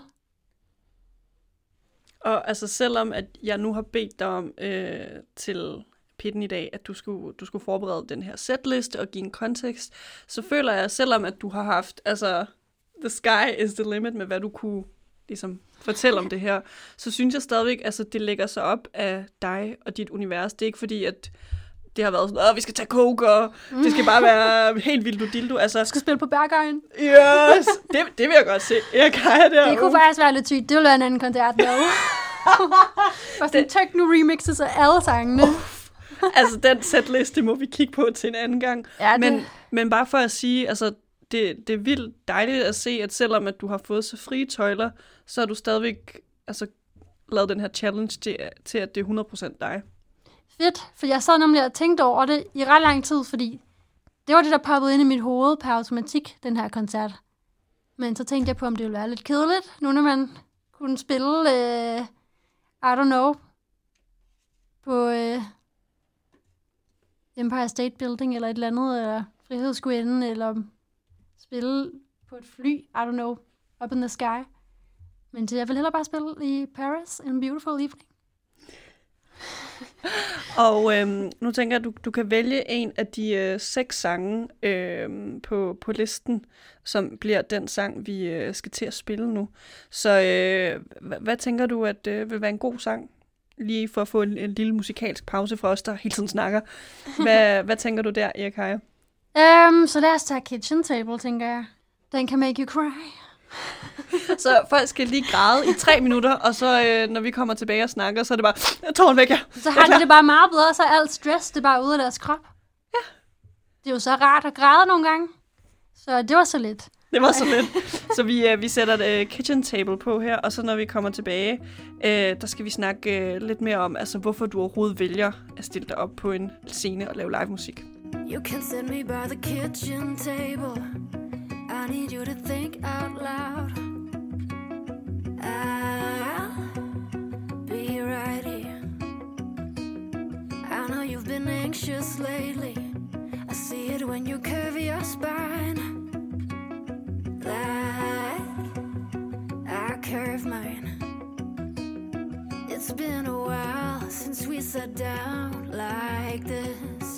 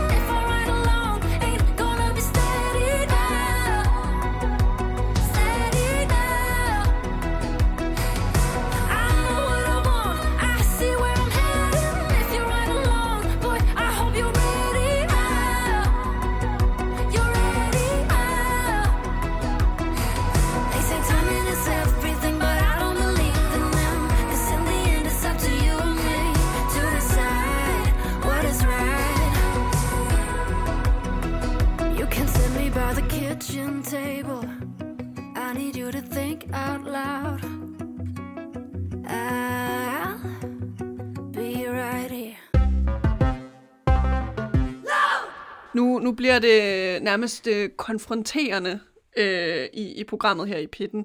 Øh, vi har jo snakket en del om altså, det her maskinrum til Erkaja, og hvordan du laver øh, dine live shows. Mm. Men hvis man sådan helt grundlæggende set skulle diskutere med dig, altså hvorfor du overhovedet vælger at stille dig op på en scene og performe, hvad vil du så sige til det?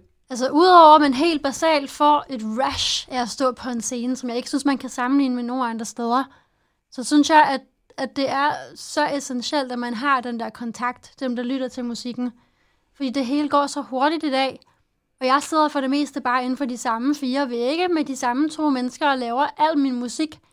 Øhm, og så kan det godt være, at der er nogle brugernavne øh, med et eller andet 2, 3, 4, der godt kan lide mit billede.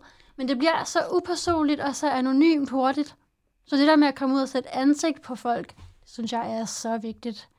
Øhm, at kunne snakke med dem bagefter, efter koncerten. Jeg synes virkelig, det, øh, det er så essentielt, at man, at man skaber den der forbindelse. Ikke? Fordi musik er så personligt for mig. Og jeg tror, at dem, der lytter til min musik, det er også fordi, det på en eller anden måde bliver personligt for dem. Så det, jeg synes, det, det er virkelig vigtigt, at man får skabt en, en form for forbindelse i virkeligheden, og så det ikke bare gennem internettet og en skærm altid, ikke? Og så er der selvfølgelig hele det der aspekt med, at, at musikken kommer til at lyde anderledes live ofte, og man kan lege med formaterne. Altså, jeg synes, der er flere af mine sange, jeg bedre kan lide, når vi har spillet dem live. Og man ligesom giver dem en tur i øvelokalet, øhm, og udfordrer, hvordan de allerede lyder. Og om man ligesom er altså, øh, den sindssygeste, vildeste Erkaja-fan, eller hvis man er helt ny til dit univers. Altså, hvad er det, du håber på, at publikum ligesom kan tage med fra dine koncerter, når de er for eksempel nu efter corona, når de skal se dig på Hotel Cecil. Hvad er det, du ligesom vil have, at folk skal tage med fra dine liveoplevelser? I bund og grund, så tror jeg faktisk bare, at jeg håber på, at de føler, at de kender mig bedre. Hvis de møder op, så går jeg ud fra, at de kender min musik. Men øh, jeg, synes, jeg føler, at det kan være svært at nå ud til folk gennem social media øhm, og, og lade dem lære en at kende. De skal i hvert fald virkelig opsøge det og følge med over det hele for at få et indtryk af, hvad man er, synes jeg. Så jeg, vil, jeg håber, man vil kunne skabe det der personlige bånd, og de vil have en fornemmelse af, hvem der egentlig er, der sidder og skriver deres øh, yndlingssange, måske. øhm, og så håber jeg, at de får noget af den følelse, som jeg kan få på scenen, hvis man spiller et rigtig fedt show, hvor der er rigtig god kemi blandt publikum og, og dig, ikke? Altså, for det, det er virkelig bare, at det er en eller anden, det lyder så kliché men det er jo bare en eller anden form for magi, der opstår der, ikke? Det er det, musik kan. Hvad, hvad med, altså nu, nu nævner du det her med, at, øh, at du ikke kan lide det her med sociale medier, at det ligesom kun skal være den eneste kanal, folk ligesom kan komme i kontakt med dig eller opleve dig på. Mm. Føler du sådan overordnet set, at du med, med dine live-koncerter og live-oplevelser, du giver, at du sådan generelt set gerne vil sådan rykke publikum hen til et sted, hvor at det er en sådan lidt, lidt mere nærværende arena, man ligesom oplever artisten sammen med? Helt klart. Helt klart. Altså, jeg tror også, det er fordi, at jeg er nået til et punkt nu, hvor jeg, jeg skriver simpelthen så personlig musik. Så jeg har brug for, at de kan... Altså, det, det er bare så afgørende, at der er et nærvær, når man spiller live. Øhm, og som jeg sagde, for jeg, jeg får bare en fornemmelse af, at, at det, det er så svært for dem at, at finde ud af, hvem det er, men man egentlig er bag, bag alle de der billeder, der ligger på Instagram eller et eller andet, ikke? Øhm, så jo, jeg tror, at koncert, det, det for mig, det, det er sådan et sted, hvor der virkelig skal være en, en, øh, et nærvær. Det, det tror jeg er det allermest afgørende for mig. Og din øh, koncert her i efteråret på øh, Hotel Cecil, øh, lige nu, altså føler du, at øh, øh, jeg, jeg ved ikke, om den meme har et navn, men ham skoledrengen, der ligesom sidder ved sit bord, og sådan, man kan se alle øh, venerne i hans ansigt, fordi han er sådan, han, han vil virkelig gerne gøre noget, som han ligesom bliver holdt tilbage for at gøre. Ja. Har du ligesom øh, den situationsfornemmelse lige nu med sådan, jeg vil virkelig gerne ud og spille koncerter? Ja, det kribler jo lidt i kroppen. Men på en eller anden egoistisk måde, så hjælper det lidt, at der ikke rigtig er nogen andre, der er ude at spille. Øhm, jeg skulle have spillet den her i april. Så det var jo virkelig... Øh, det var så ærgerligt, at vi ikke nåede det, ikke? Men, men heldigvis så fandt vi ud af ret hurtigt, at den ville blive aflyst. Så vi havde ikke nået at være særlig meget i øvelokalet. Man kan se på den positive side, der kommer jeg jo til at have mere færdig ny musik, jeg kan spille til efteråret. Så altså, selvom det var ærgerligt, at den blev rykket, så er det egentlig okay. Fordi at, ja, som sagt, så har jeg bare noget mere, jeg kan vise frem til den tid, ikke? Og hvis man gerne vil forberede sig lidt på din koncert på Hotel Cecil, hvad, altså hvilke råd kan du give til altså både Irkaya-fans, men også dem, der sådan er helt nye i dit, til dit univers? Altså hvad, hvad er det, men hvilke mindset skal man have, inden man kommer ind til din Irkaya-koncert på Hotel Cecil? Altså, det er i hvert fald ikke nogen snakkekoncert, altså, som, altså, at man står der med en øl og bare plapper med sine venner. Altså, jeg har, jeg spiller som sagt noget, noget øhm, storladen popmusik, men jeg vil gerne have, at det også er intim på en eller anden måde, ikke? Og jeg kommer til at fortælle en del, og lade folk komme tæt på, så jeg forventer også, at folk har lyst til at lytte, hvis de kommer, ikke? Og det samme gælder min support. Det er også det er nogle helt vildt dygtige unge damer, som også skriver noget, noget meget øh, inderligt. Også rigtig, rigtig lækkert popmusik. Altså, det bliver jo ikke sådan en øh, klaverkoncert, hvor vi bare spiller ballader hele vejen igennem. Der kommer også til at være masser af energi i det sæt. Men øh, jeg vil gerne have, at man er forberedt på, at man, man også har lyst til at lytte, når man kommer, ikke? Dine øh, supporters, dine fans ja. og hele øh, fankulten øh, omkring øh, det her Erik projekt det skal vi øh, tale meget mere om lige om lidt. Men jeg tænker, at øh, vi skal have den seneste single, øh, Skin and Bones, ja. i, øh, i arbejde her i, øh, i programmet. Så lige hurtigt, hvordan skal man øh, lytte til sangen Skin and Bones? Altså Skin and Bones er egentlig skrevet ret universelt. Øhm, den handler i bund og grund om, at man skal tale ordentligt til hinanden.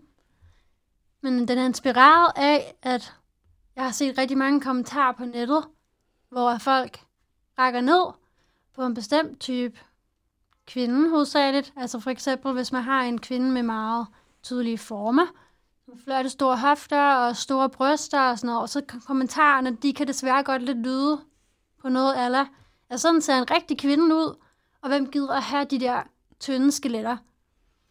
Øhm, så det er derfor, den hedder Skin and Bones, fordi sådan nogle kommentarer, de kan jo godt ramme en som mig, som er meget, meget slank og altid har været det. Øhm, men, øh, men, men jeg vil gerne have, at, at man, når man lytter på Skin and Bones, så kan den lidt fortolkes på forskellige måder, så det ikke bare handler om, om min vinkel på sagen, men, men det kan være alle mulige vinkler på sagen. Det kan være udseende, det kan også være andre ting, øhm, hvor folk måske ikke lige tænker sig om, inden de åbner munden. Øhm, så det er en, øh, det er en, en positivt indstillet sang. Det er ikke sådan, at jeg, jeg skælder nogen ud. Men det er en sang, hvor jeg håber, at folk lige stopper op en gang imellem og tænker sig om, ikke? Men hvis de bliver ved, så går du ud og skælder folk ud. går vi ud og slår dem. og din seneste single, uh, Erika Skin and Bones, den, uh, den sætter vi på her i uh, pitten på Radio Loud. Og på den anden side den, jamen øh, der skal vi jo dykke ned i dit øh, fanunivers. Så øh, først Skin and Bones, og så dit fanunivers. Maybe I'm ashamed of me Don't wanna admit I take it in Everything you say to me Wish I let it go But I know my ears are listening No hard feelings Say you didn't mean it Don't you know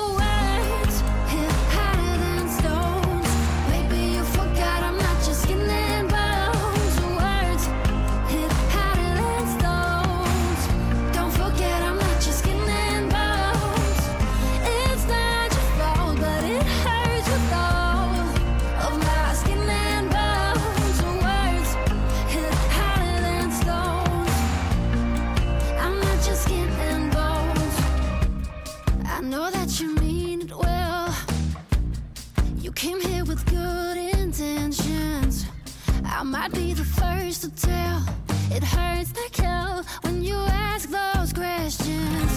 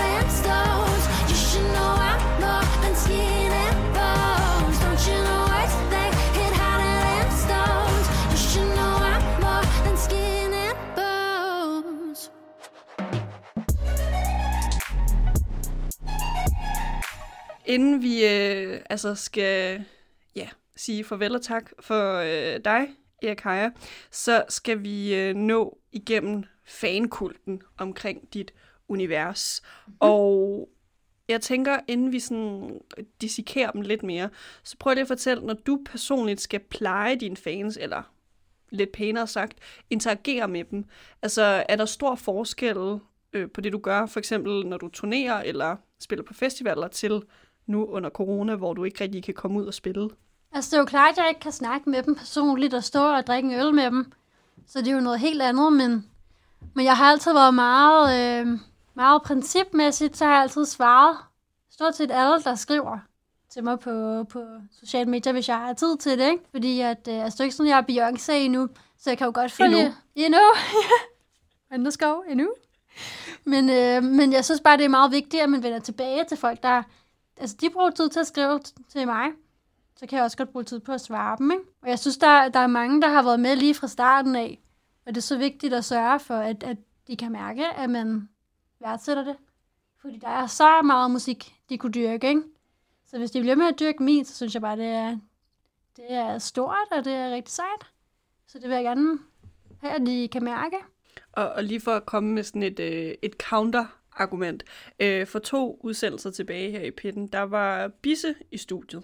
Ja. Og hans, hvad skal man sige, approach, approach til sit øh, fanunivers, og dem, der ligesom hæpper på ham, det er lidt, at han sådan, har det lidt på afstand. Altså det er, han synes, det er mega fedt, når folk skriver et takkebrev til ham på Instagram, eller de kommer for en øl efter koncerten, men han har, han har det rigtig svært ved at sådan, skulle høre deres opfattelser, eller deres fortolkninger af, af ham. Føler mm. du der nogensinde, at det, det sådan påvirker dig? Nej, det synes jeg faktisk ikke. Men jeg kan godt forstå sådan en som Bisse, han er jo meget teatralsk i sin måde at, at optræde på, ikke? Han er jo, han er jo meget, øh, han udtrykker sig meget unikt og meget specielt, ikke? Så jeg kan godt forstå, hvis, hvis han, han synes, det er lidt mærkeligt, at nogen, der kommer og udtaler sig om, hvordan hans vision er for hans live-musik måske især, ikke? Men jeg føler bare, at, at altså, jeg føler jo selv, at det er mig hele vejen igennem. Det kan godt være, at jeg hedder noget helt andet end Christine, men det er jo stadig mig. Det bare fordi, at mit rigtige navn øh, ikke lyder som en superstar. Endnu? Endnu. men, øh, men det er ikke noget, jeg har tænkt over som sådan. Nej, altså jeg har, lidt, jeg har lidt overvejet, om man så lidt for hård ud på nogle pressebilleder, for man prøver at se lidt sag ud. Og så i virkeligheden, så er man måske lidt mere kajtet. Og så kan man godt få det lidt akavet. Men, øh, men ellers synes jeg ikke rigtigt, at der har været nogen sådan misforståelse eller noget. Hvad med, altså overordnet set, hvordan vil du beskrive øh, altså dine supporters? Hva- Hvad, hva- hvordan skal man ligesom beskrive den gruppe mennesker, der er omkring dig? Jeg synes, de er ret sassy. Hvordan sassy?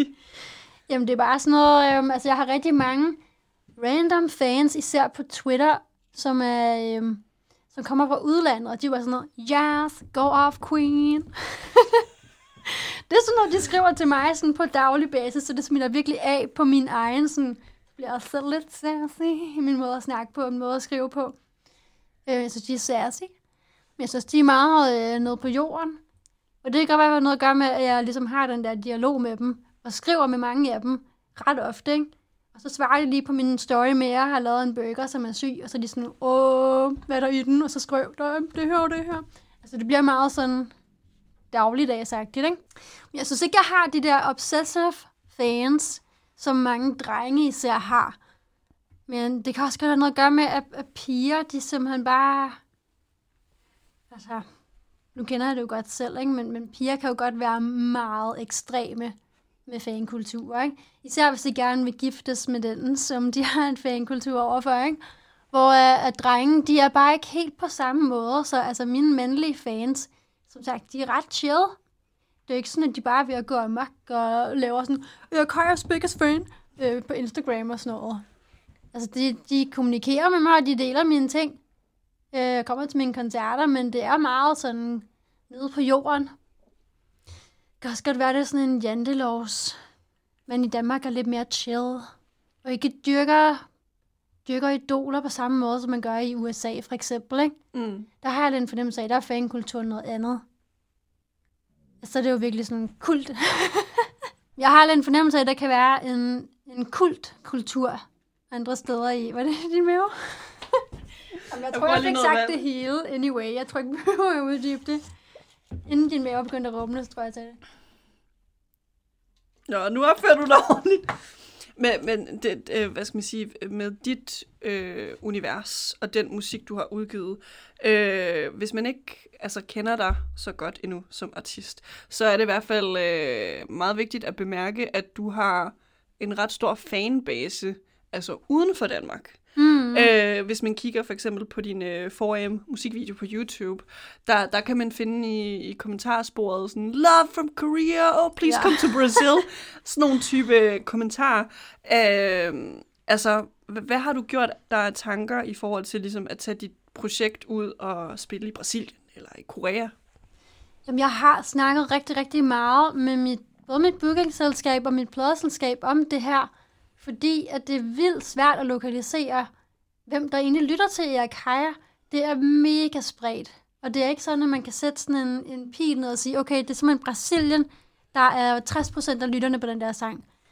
Altså for eksempel kan man sige, at Maximilian han har momentum i Filippinerne lige nu med sin sang Beautiful Scars. Men jeg har ikke helt haft den samme, hvor det er sådan momentum i et land. Det er meget, meget, meget spredt.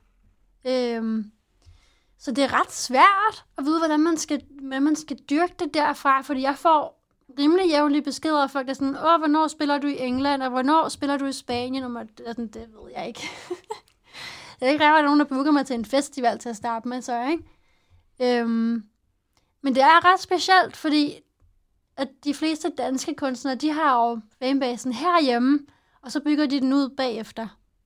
Men Men det er her- lidt omvendt med dig. Det er helt omvendt med mig. Øh, og mit team, de har virkelig, øh, de bryder virkelig deres stjerner med, hvordan vi kan fange danskerne bagefter nu, ikke? Fordi jeg har jo trods alt haft en del presse herhjemme. Mm. Øh, men jeg tror stadig, at, at det der er problemet er, at folk ikke helt kan sætte ansigt på mig. Så jeg tror, det er måske næste fase, at man skal sige, nu kigger vi lidt indad igen, og, og lade Danmark sådan lære mig ordentligt at kende, ikke? Men jeg synes, det er vildt sejt, at der er en hel masse fra udlandet, der gerne vil lytte med. Altså, det siger jo noget om, at det forhåbentlig er international kvalitet. Mrs. Worldwide. Ja, Når, når, når altså danske artister kan komme øh, udenlands og performe, det kan være, at du bliver altså øh, Danmarks pitbull, Mrs. Worldwide. Danmarks Pitbull. Ik, ikke sonisk med din musik, men mere sådan, du, det perform, du performer mere i udlandet end i. Ja. end i Danmark. Ja, det er en sjov hønen ægget situation. Det har jeg snakket rigtig meget om med, med NO3.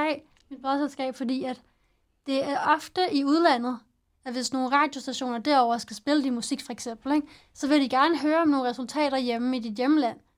Øhm, så hvis ikke du har den der inkarnerede fanbase og har solgt storvægger ud syv gange og haft øh, en masse nummer et på radio, så det er lidt svært at komme uden de helt store resultater i forvejen. Mm. Øhm, så det, der er klart fordele og ulemper ved det. Ikke? Det er virkelig, øh, der, er meget, så, der er så meget taktik bag at udgive musik. Det er helt vildt. Nu, øh, nu har vi jo talt om altså de, de danske fans, men også de udlandske. Hvis du meget kort skulle, skulle sammenfatte altså en lille takkenote til øh, de danske fans, og måske de udlandske ERK-fans, der har lært dansk for at komme lidt tættere på dig. Hvad, hvad vil du gerne... Øh, stemme. det er et meget svært sprog. Ja. Men øh, altså, hvad, hvad vil du ligesom øh, takke din fanbase for?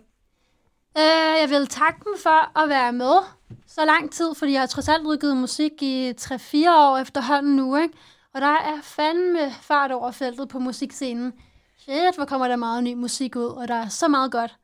Så det synes jeg virkelig er... Øhm, så mega mange gange tak for, at folk stadig lytter, øh, og fordi de deler, og fordi de faktisk øh, har lyst til at følge med. Fordi en ting er, at man bare går ind på New Music Friday, så man, det navn, det kender jeg godt, så hører man lige 20 sekunder, og så tæller det ikke engang som en stream, og så er man væk igen. Øh, men at man vælger at følge med på plat, alle platformene, og ligesom støtte op der, ikke? det kræver alligevel noget engagement. Det er ikke særlig mange, jeg gør det med, så jeg kender det godt selv. Øhm, så det synes jeg, at der er ret beæret over, at de, de vil følge med mm. i, hvad jeg laver. Nå, Christine, a.k.a. Erkaja. Nu er det tid til øh, her i pitten, at øh, vi lige får en, øh, et lille musikalsk afbræk. Og der tænker jeg, at vi hiver øh, Don't Complicated fra din musikalske godtepose. Og inden vi når at sige øh, farvel og tak for i dag, så skal vi lige forbi din fan fra Ibsen igen. Men vi får først lige Don't Complicated. Could be gone, claim I'm fine, say I'm simply neat in time, but it's needless. Time, but it's needless. I'm a mess and I'm a wreck. Don't lean in, kiss my neck, it won't help it. Mm-hmm. The problematic classic is you think I'm dramatic. I call it accurate. And I don't get the way you think. I don't get your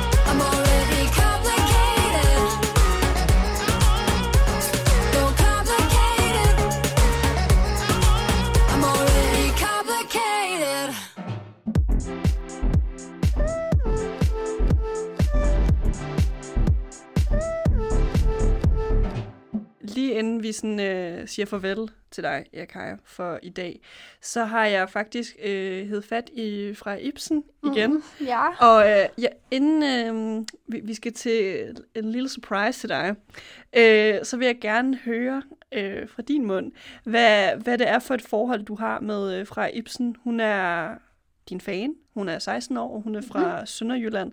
Prøv at fortælle, altså I, I DM'er hinanden nogle gange, blandt andet om noget Magic Sand. Har du set vores DM's der, eller hvad? Nej, men jeg har hørt om det, og nu tænker jeg sådan, du, du kan dele lidt ud af den her godtepose. Altså, hvad, ja. Hvad er det for en interaktion, I har som artist og fan? Jamen, det, det er en ret spøjs dialog. Altså, det er jo en god blanding af, at Freja bare er super lojal og har mødt op til vildt mange koncerter. Også når der ikke har været, når der har været sådan syv mennesker, så har man alligevel kunne spotte Freja ude i hjørnet eller et eller andet, ikke? Hun er, jeg synes, det er virkelig sejt, at hun, at hun er så øhm, persistent med at komme, ikke? Lige meget, hvor, hvor fedt arrangementet kan lyde, så hvis hun kan, så, så er hun der. Mm. Det kræver virkelig noget, så det, det er virkelig sejt. Men, øhm, men vi har også haft nogle, nogle random samtaler på, på Instagram. Men det er jo meget sjovt. Altså, det er blandt andet om sådan noget, for jeg, jeg er en rigtig pilletype. Jeg har virkelig svært ved bare at stå stille, uden at, at pille ved et eller andet, ikke? Så der snakker vi om det her med at sidde med sådan noget sand, man kan forme, og slim, man kan sidde og hive i, og sådan noget. Så det, og så andre gange, så snakker vi om min guitarist. Det er nogle meget forskellige samtaler, vi har. Jeg ved også, der har været noget med noget øh, eksamensangst, I også lige har øh, fået Ja, det kan godt passe. Ja. Ja, det er jo lige alderen, Freja har. Men altså, hvad, hvad, hvad synes du egentlig personligt om den slags interaktion med fan? Altså, det er, det er nærmest lidt et venskabeligt forhold, I har, eller hvordan? Ja, det synes jeg da, det er. Helt klart.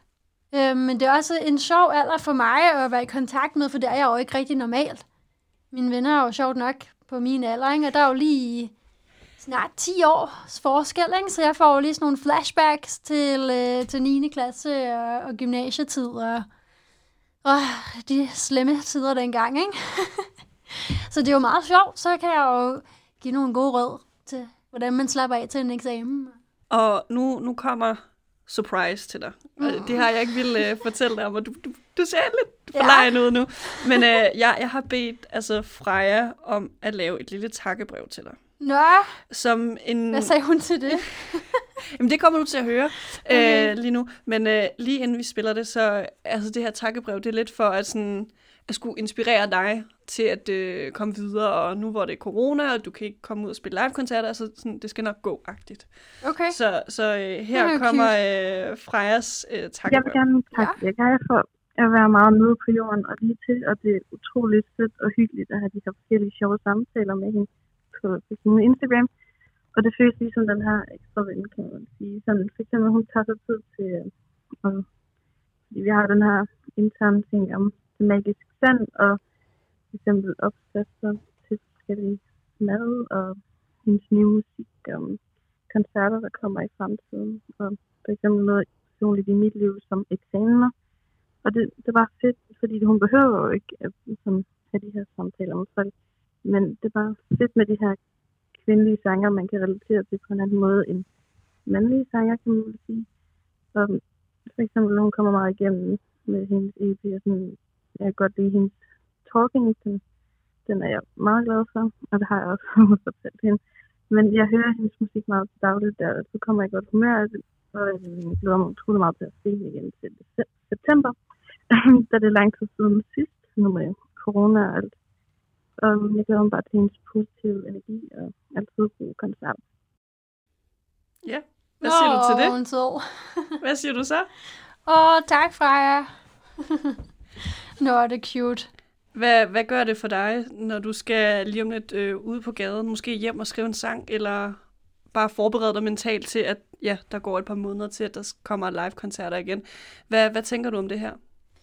Det er da helt klart en, en vild god motivation til at blive ved med at skrive musik, og blive ved med at glæde sig og forberede sig til koncerter, ikke? Øhm, det er også noget, der er fedt ved sådan en fan som Freja, det er. Så nævner hun lige min EP der, hvor der er en sang, der hedder Talking, øhm, som er en rigtig personlig sang, som jeg bare sad og skrev på værelset.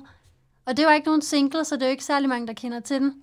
Men lige den der, hun fremhæver den, det er jo de færreste, der vil gøre det, ikke? Så det, er jo, det gør det hele værd, men så alligevel sørge for at få de der sange ud i verden, ikke? For der faktisk er nogen, der lytter på dem. Så øh, nu er vi ligesom nået til øh, altså endestationen her i Pitten. Vi har snakket om de bedste live-koncerter, du har været til, hvordan du er som fan, for eksempel over for øh, Taylor Swift. Øh, vi er kommet bag om det her Eakaya live maskinrum, og så har vi også nået forbi øh, fan-universet omkring dig. Hvis du skal vælge en sidste Eakaya-sang, vi skal spille her i øh, Pitten i dag, hvad, hvad skal det så være? Ja, skal det være Back of Your Head? Nej, vi tager Talking. Den Hvor- vil Freja gerne have. Den, den vil Freja gerne have. Hvor- Hvorfor, hvorfor Talking som øh, den sidste? Jamen, nu er det jo bare, fordi det er fanønske. Men man kan sige, altså, Talking, den er jo, den repræsenterer virkelig, hvordan jeg skriver til en gæld. Fordi det er så, så personligt. Så den er vel meget god at- slutte af med, tænkte jeg. Christine, a.k.a. øh, Eakaya, du skal have tusind tak for at være med i Pitten den her uge. Jamen, det var det så lidt. Det var rigtig hyggeligt.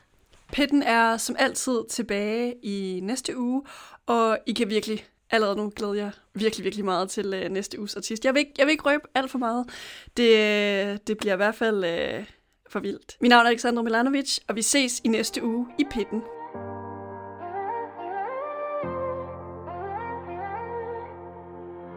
Baby, I know it's no big deal. I'm sorry if I'm overreacting.